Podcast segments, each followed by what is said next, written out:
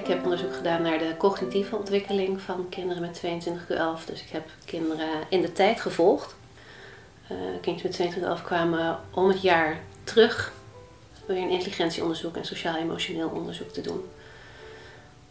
Maar wat er gebeurde is, natuurlijk doordat die kinderen terugkomen, kwamen ook de ouders terug. En dat ik, doordat ouders steeds terugkwamen en ik steeds opnieuw natuurlijk in gesprek ging met ze, dat ik een stukje met ze meegroeide, maar dat ik ook natuurlijk leerde van hun waar ze allemaal tegenaan liepen in hun ouderschap.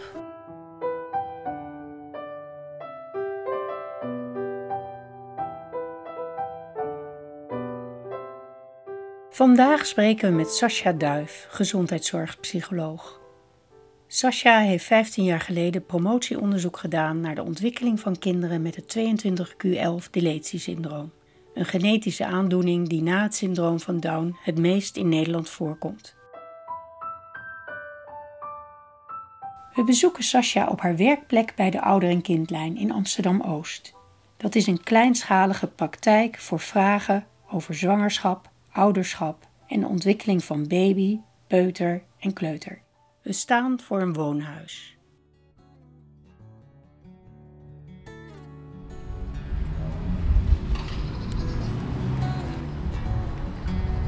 Geluidloze bel. Hoi, ja, we komen voor Sascha. Sascha Duif. Ik ben Edith Raap.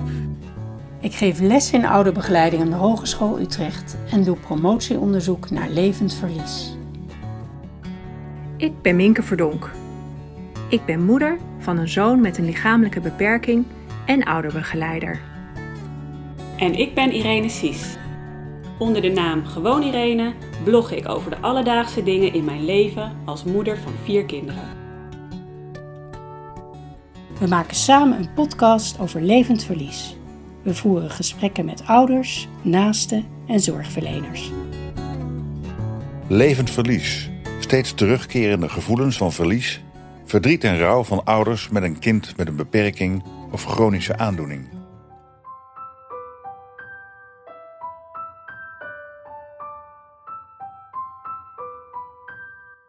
Gaan het met Sascha hebben over stress bij ouders en haar mindfulness training Care for Parents. Het gesprek gaat over hechting, over veiligheid, maar ook ruimte bieden aan je kind. En over hoe professionals dat bij ouders kunnen doen. Welkom bij aflevering 28 van de podcastserie Levend Verlies.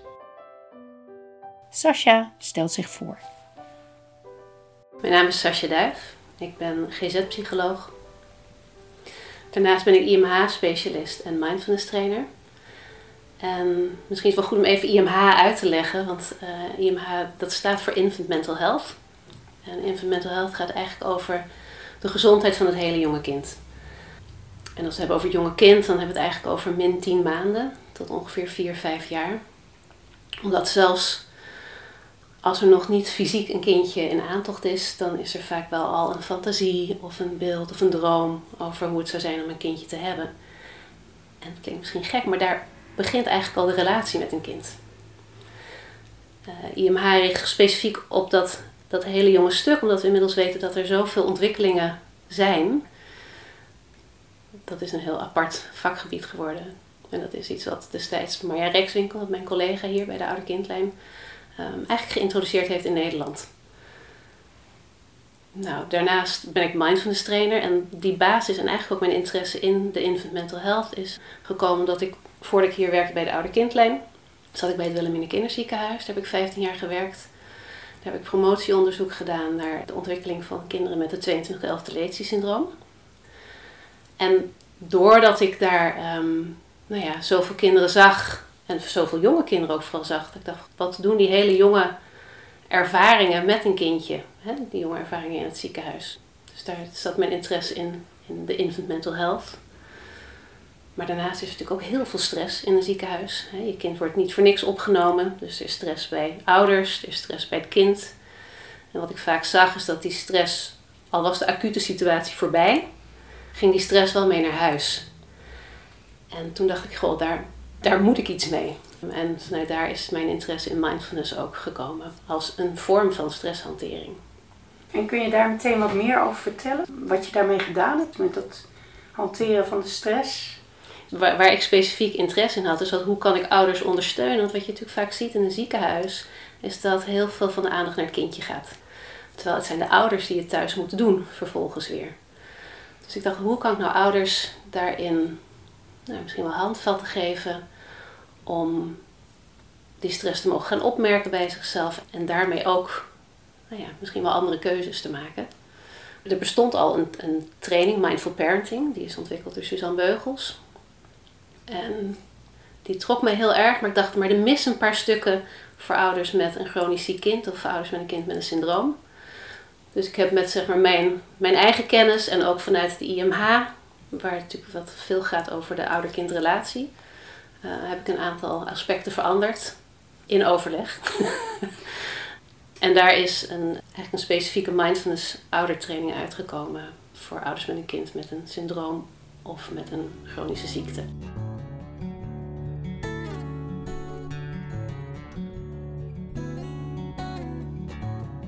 Wat heb je daar extra in gebracht in de training? Nou, wat, wat ik heb toegevoegd is eigenlijk meer aandacht nog voor stress. Omdat, weet je, ik heb inmiddels zoveel ouders ontmoet met een kind met een chronische ziekte of een syndroom. En wat me altijd opviel is dat die spanning is zo hoog vaak bij ouders. Zelfs die schouders die staan vaak al, ik weet niet of je dat herkennen, maar die schouders zijn echt wat hoger. ouders zijn zo hard bezig om alle ballen in de lucht te houden dat ik dacht, ja, in ieder geval een stukje inzicht in, in stress. En wat dat met je doet ook, wel daar ondersteunend in kan zijn. Daarnaast ben ik uitgebreider stil gaan staan bij wat ik noemde, de, of nee, ik noem het niet zo, maar het heet de cirkel van veiligheid. En dat is misschien wel goed om zo meteen nog eventjes uit te leggen. De Circle of Security heet het in het Engels. En wat ik ook toegevoegd is, um, is eigenlijk een hele, hele bijeenkomst over levend verlies. Dus de training zelf bestaat uit acht bijeenkomsten en een follow-up van steeds twee uur. En een van die onderwerpen gaat specifiek over levend verlies. Omdat een heleboel ouders daar eigenlijk nog nooit van gehoord hebben, maar het wel onmiddellijk herkennen als ik het noem. Ja. En wat doe je in die bijeenkomst over levend verlies? In die specifieke bijeenkomst, daar gebruik ik het filmpje Float van Pixar. Ik weet niet of je dat filmpje kennen, maar het is een, het is een heel super eenvoudig, maar heel krachtig filmpje over een kindje die anders is.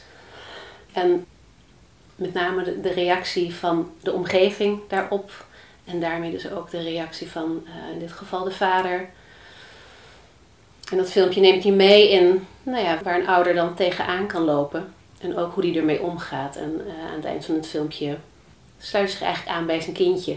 In plaats van bij de verwachtingen van de omgeving. En dat, dat is zo krachtig. Dat maakt een heleboel los bij ouders. En dat is ook meteen de opmaat inderdaad om, om het erover te hebben, ook over levend verlies. En daarbij introduceer ik ook echt het begrip. Ja, dat slaat in als een bom. Alleen al dat woord, hè, levend verlies, dat ouders denken, oh ja, maar dit herken ik. Van, oh, nu snap ik het. Ja. En wat snappen ze dan? Waarom ze af en toe zo ontzettend verdrietig weer kunnen zijn, of zo ontzettend boos, of um, wanhopig. En, en dat het voor een gevoel nooit helemaal over is. Hè? Dus dan denk ik, nou, het ging toch goed met me. En nou ineens, dan voel ik me weer verdrietig. Of hè, welke emotie het dan ook is. En op het moment dat je dat natuurlijk kan koppelen aan een woord of aan een begrip. Sowieso vind ik dat altijd heel mooi, want het, het maakt in ieder geval inzichtelijk dat je niet de enige bent. Hè, als je een model hebt. Maar het geeft ook iets om te herkennen. Hè, dus op het moment dat er dan verdriet is, dat denk ik, oh ja, maar wacht. Dit is een stukje verlies weer wat ik ervaar. Dus ik denk dat daarin het ze ook heel erg ondersteunt om het, ja, om een beetje concreter te maken. Wat het is dat ze voelen. Want ja, dat soort emoties zijn natuurlijk redelijk overspoelend. Maar als je bij jezelf even een stapje terug kan doen en denken, oh maar wacht, dit hoort hierbij. Ik herken het inderdaad. Ja, dan mag er misschien ook iets meer zijn. Zijn er meer dingen die je in de training hebt verweven of aangepast die belangrijk zijn voor ouders met een kind met een beperking of een chronische aandoening? Zelfzorg. Ja, zelfzorg is ook eentje waar we echt uitgebreid bij stilstaan. Het is wel een voorwaarde natuurlijk als je, om goed voor jezelf te zorgen, om eigenlijk ook daarmee goed voor je familie te zorgen. En dan is het interessant wat er gebeurt, omdat eigenlijk het voelt bijna als een soort toestemming die ouders hè, eindelijk hebben gekregen om dat ook te doen. Ik weet van één moeder die na afloop van de training vraagt altijd om een symbool mee te nemen om nou ja, te laten zien wat ze mee hebben genomen uit de training. En die nam een fles badschuim mee. Badschuim, hoezo? En dat ze zei van ja, ik heb geleerd dat de wereld best een half uurtje zonder me kan. Dat is natuurlijk wel het, het inzicht dat je, nou ja, dat, het, het mag. Hè? Je mag voor jezelf zorgen. En dat gaat ook over compassie hebben voor jezelf. En het oké vinden dat niet alles perfect is. En dat je ook niet alles op kan lossen. En dat je steeds opnieuw mag kijken en hoe is het nu.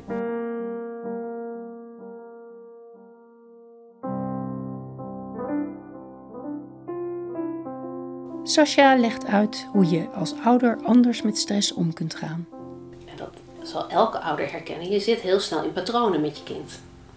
Je kind doet dit, dus jij reageert zo. En wat we eigenlijk doen met die mindfulness training is, ik geef ze tools, ook onder andere meditaties, maar ook oefeningen om nou ja, misschien te oefenen met een stapje terug te doen, om niet altijd meteen te hoeven reageren. Ook om op te merken wanneer de spanningsopbouw is bij jezelf. Want op het moment dat je natuurlijk opmerkt dat er iets verandert, dan gaat er ook een deur open om een andere keuze te maken. Uh, en, en nieuwsgierigheid. Dat is ook een hele belangrijke die ik ouders probeer mee te geven. Omdat ook daarin werken we zo vanuit automatische reactiepatronen. Mijn kind doet dit uh, en ik reageer zo. En dat ik ouders eigenlijk steeds uitnodig om te vragen, maar wat laat je kind nu zien? Je denkt misschien wel dat het dezelfde situatie is, maar is dat wel zo? Dus kun je nieuwsgierig zijn? Kun je dat, dat automatische reactie, kun je die even, uh, even parkeren en even kijken, maar hoe is het nu? Dat laat hij nu zien. Klinkt nu heel makkelijk, maar dat, dat is het niet. Maar het, het kan wel. En uh, daar staan er ook acht weken voor, want het gaat echt over een gedragsverandering. Je bent echt aan het leren om anders te reageren. Dus ik leg heel duidelijk uit dat, dat het over hun gaat als ouders en dat er verschillende thema's bij horen.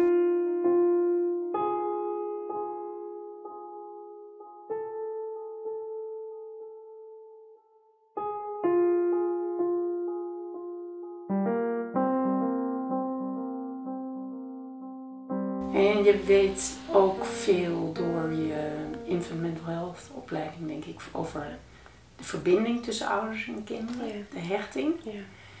Zie je daar dingen in bij ouders met een kind met een beperking die je, die je wil benoemen? Ik heb daar goed over nagedacht. Wat ik denk dat fijn is, is om ehm, dat uit te leggen aan de hand van een model. En dat model heet de Cirkel van Veiligheid. En het idee van de Cirkel van Veiligheid is dat kinderen altijd cirkels maken. En die cirkel maken ze vanuit twee handen en die twee handen ben jij als ouder. Sascha houdt haar handen tegen elkaar alsof er een bal tussen zit. Ze schuift de vingers van de ene hand langzaam over de vingers van de ander en maakt zo de bal groter en kleiner. En je moet je voorstellen dat een kind uh, vanuit de ene hand op onderzoek gaat. En die komt aan de rand van zijn cirkel uh, afhankelijk van zijn ontwikkelingsleeftijd, afhankelijk van wat hij aan kan op dat moment. Zeg maar op de rand waar het net een beetje spannend wordt, waar je misschien net van die kruk afvalt, dus waar je opgeklommen was. En vervolgens terugkomt in de andere hand om troost te zoeken, om opgevangen te worden.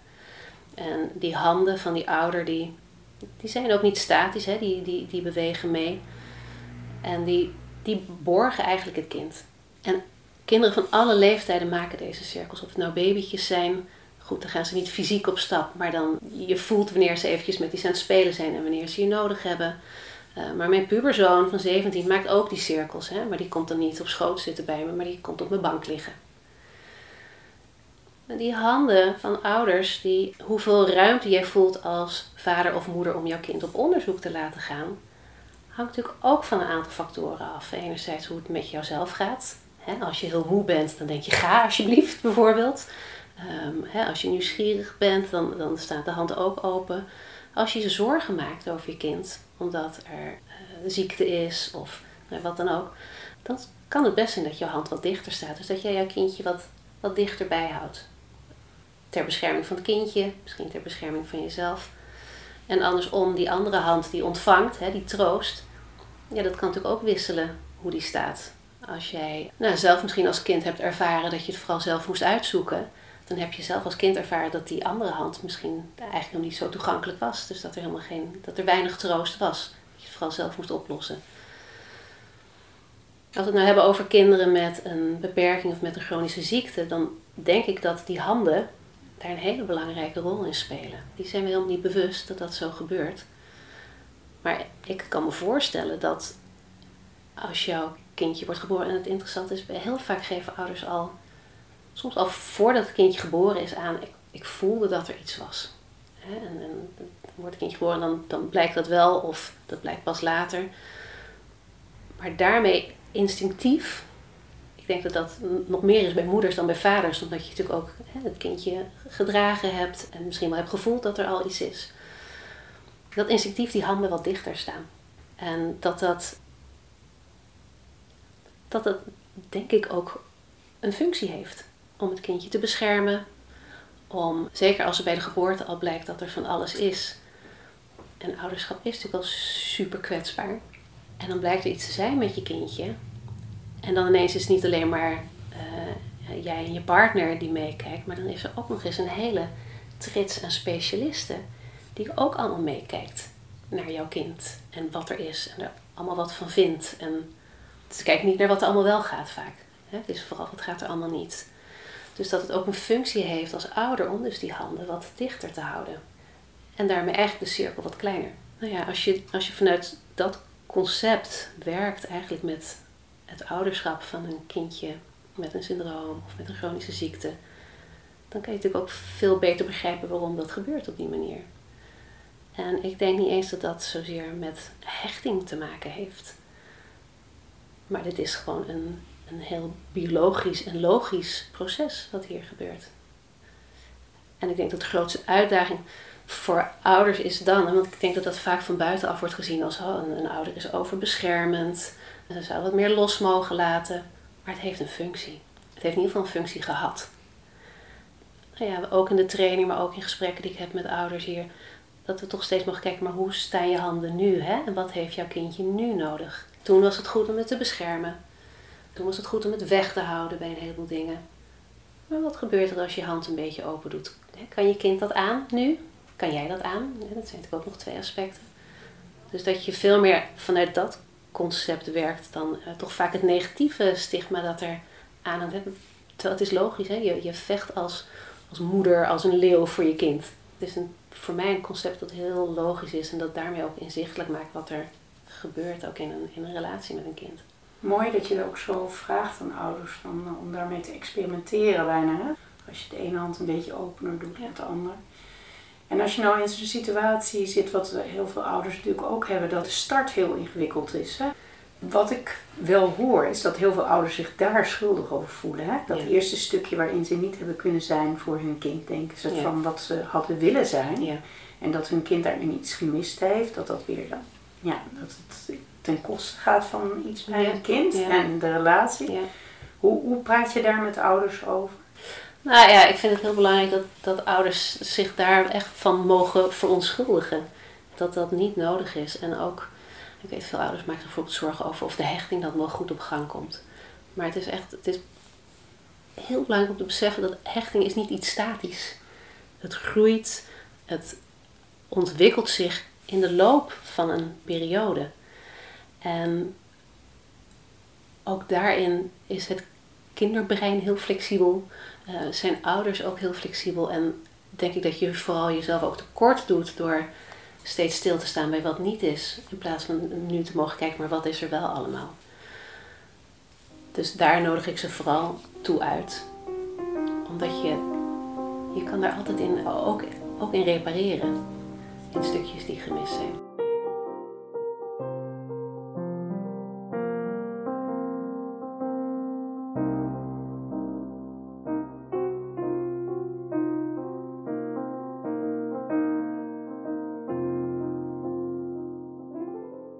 Ik zag in het ziekenhuis is dat er, er heel veel aandacht uitgaat naar het kind. En sterker nog, vaak naar stukjes van het kind.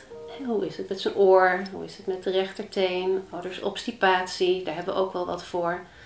En wat ik probeerde te doen eh, met ouders is dat we wel steeds ook het hele kind bleven bekijken en bleven benoemen. En ook, ik vind gedrag bijvoorbeeld is, is een hele belangrijk communicatiemiddel van kinderen. Zeker kinderen met een beperking.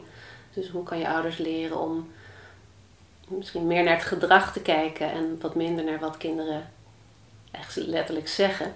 Dus ze daarin ondersteunen. In uh, een van de laatste maanden dat ik nog werkte in het uh, Wilhelmina Kinderziekenhuis, kreeg ik een um, uh, klein meisje langs van anderhalf.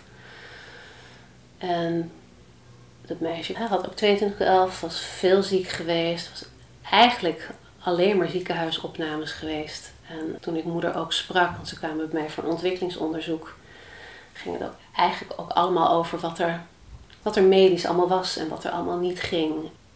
Bij dat ontwikkelingsonderzoek laat ik ook heel veel zien wat een kindje doet en wat ze ook allemaal wel doet. En er was ruimte voor moeder om eindelijk eens een keer over haar kind te praten, niet over haar oor, zeg maar, of over haar hartje. Um, en dat eigenlijk in de kamer, op dat moment, dat meisje voor mijn gevoel ook eigenlijk pas geboren werd. Dat moeder eigenlijk voor het eerst pas haar hele dochter zag en niet, niet het syndroom, hè, of niet wat er allemaal niet was op zo'n moment. Dus daarin denk ik dat je als ondersteuning zo'n essentiële rol hebt om, om juist ook dat, ja, het hele kind ook gezien te laten worden. Maar merkte je dat aan? Dat je het gevoel had, voor het leek wel of het kind hier geboren wordt voor de moeder. Waar merkte je dat aan? Dat zat in het feit dat ze steeds meer naar haar kindje ging kijken.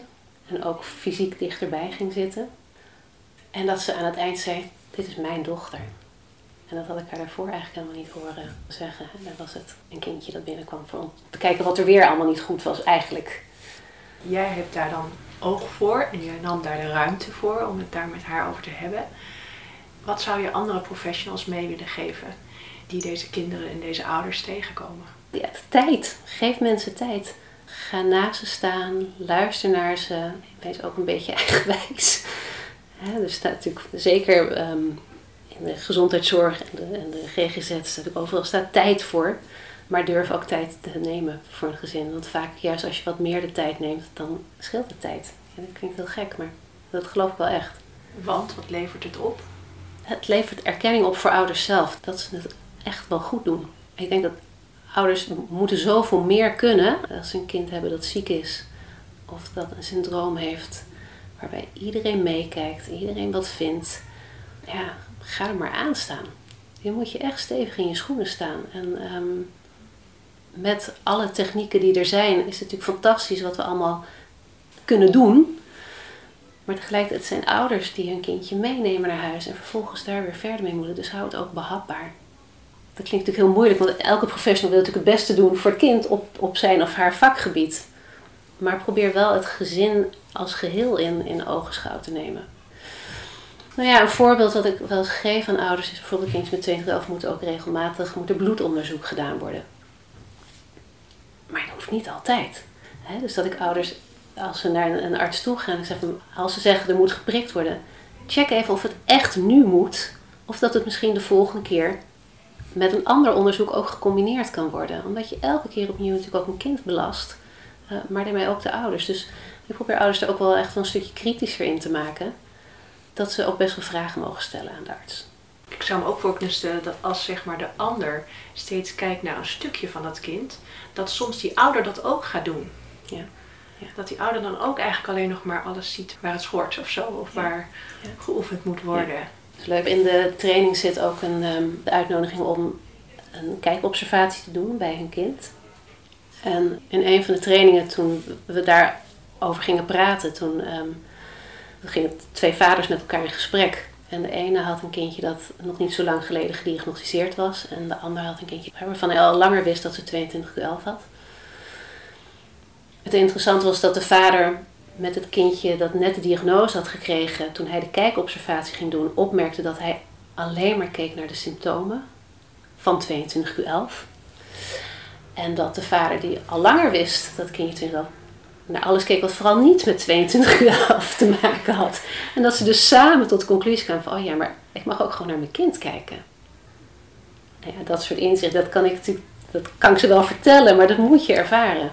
Maar het klopt, als je niet oppast, dan ga je zo versnipperd naar je kind kijken. Terwijl het is een heel kind. En veel van de zorgen die er natuurlijk ook zijn, komen voort uit je eigen zorgen. Maar kind, dat is oké. Die is precies waar hij of zij moet zijn. Maar het zijn vooral de zorgen die we als ouder vaak opleggen, die maken dat er natuurlijk ook een spanningsveld ontstaat.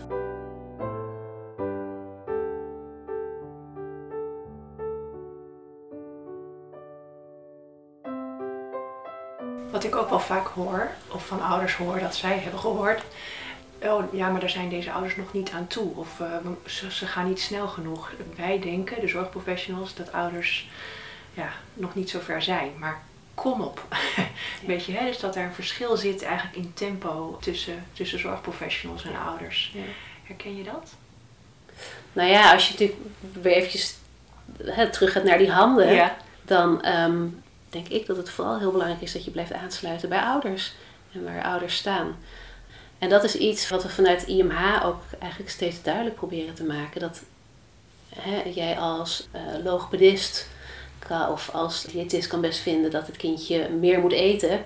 Of dat je hiermee moet oefenen. Of dat er dit moet gebeuren. Maar je moet steeds aansluiten bij, maar waar staan ouders op dit moment?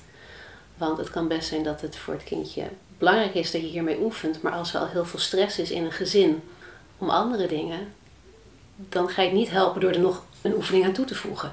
Dus hoe kun je als, eigenlijk als team ook weer de handen voor de ouders zijn? zodat je ouders de gelegenheid geeft om dingen uit te proberen, maar ook als het nou, misschien nog een beetje te veel gevraagd is, dat ze ook weer eventjes mogen leunen. En ik denk ook vanuit, vanuit opa's en oma's, vanuit als je steeds mag kijken hoe staan mijn handen voor mijn dochter die ehm, een kind heeft met een ziekte of met een syndroom. Hoe kan ik mijn handen zo steunen dat zij of hij zich gesteund voelt? En ook de zorgprofessional, hè? hoe staan je handen? Ik denk dat dat een van de belangrijkste boodschappen is wat mij betreft. Want op het moment dat je dat natuurlijk voelt als gezin, dat er handen om je heen staan, dan kun je ook zelf meer ontspannen. En vanuit ontspanning ontstaat ook weer de verbinding met je kind. Dus het werkt allemaal op elkaar door. Uiteindelijk zijn we allemaal met elkaar in verbinding natuurlijk. Tenminste, dat hoop je.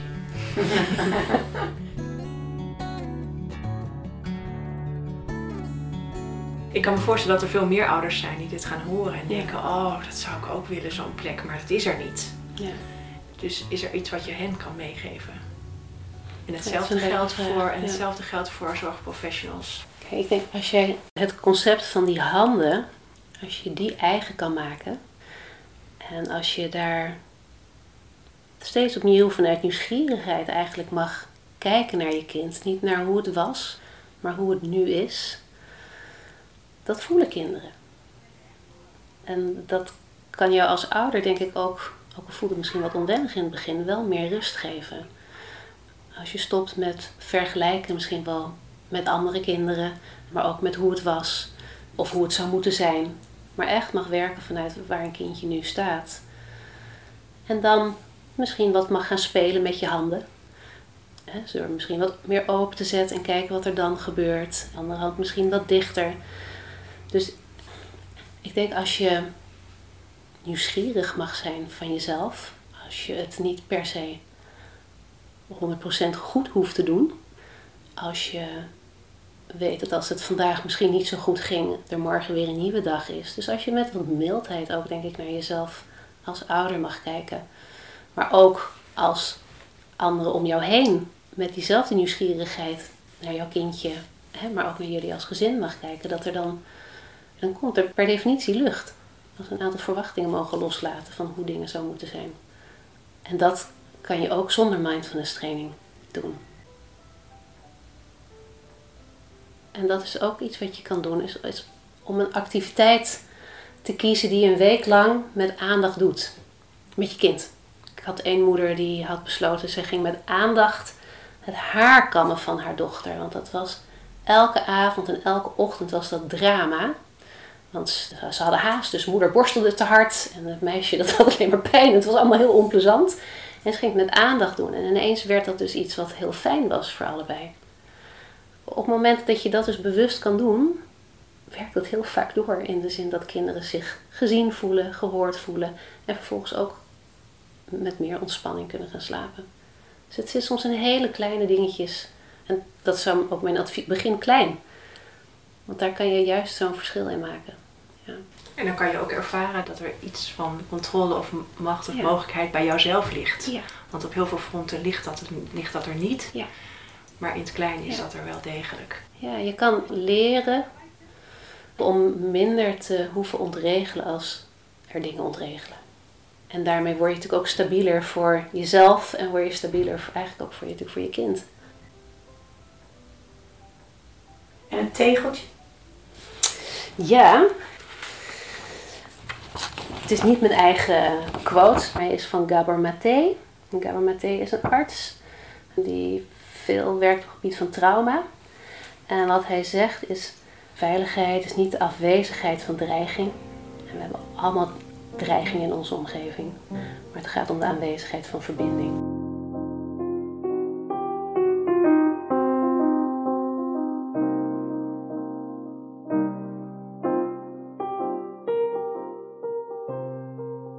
Sascha leest een gedicht voor van een moeder uit haar training. Ik bekijk je eens goed en zie zoveel meer. Je hebt een naam, maar bent zoveel meer. Je slaapt op je buik en droomt zoveel meer. Je mist een klein stukje, maar hebt zoveel meer. Je geeft ons wel zorgen, maar brengt zoveel meer. Soms stamp je van boosheid, je wilt zoveel meer. Maar je speelt en je sport en kunt zoveel meer. Prachtig kind, je bent zoveel meer. Laat mij naar je kijken, opdat ik van je leer.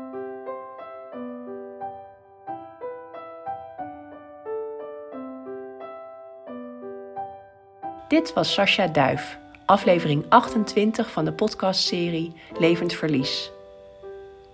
De volgende keer spreken we met Marielle Bruntink, moeder van een zorgintensieve dochter van 19, Eva. Eva woont sinds haar 14e niet meer thuis en in de podcast gaan we hierover met Marielle in gesprek. Bedankt voor het luisteren en tot de volgende keer. Elke twee maanden op de laatste zondag van de maand een gesprek over levend verlies. Abonneer je op onze podcast en kijk ook eens op onze website levend-verlies.nl. We zijn ook te vinden op Facebook en Instagram. Bedankt voor het luisteren.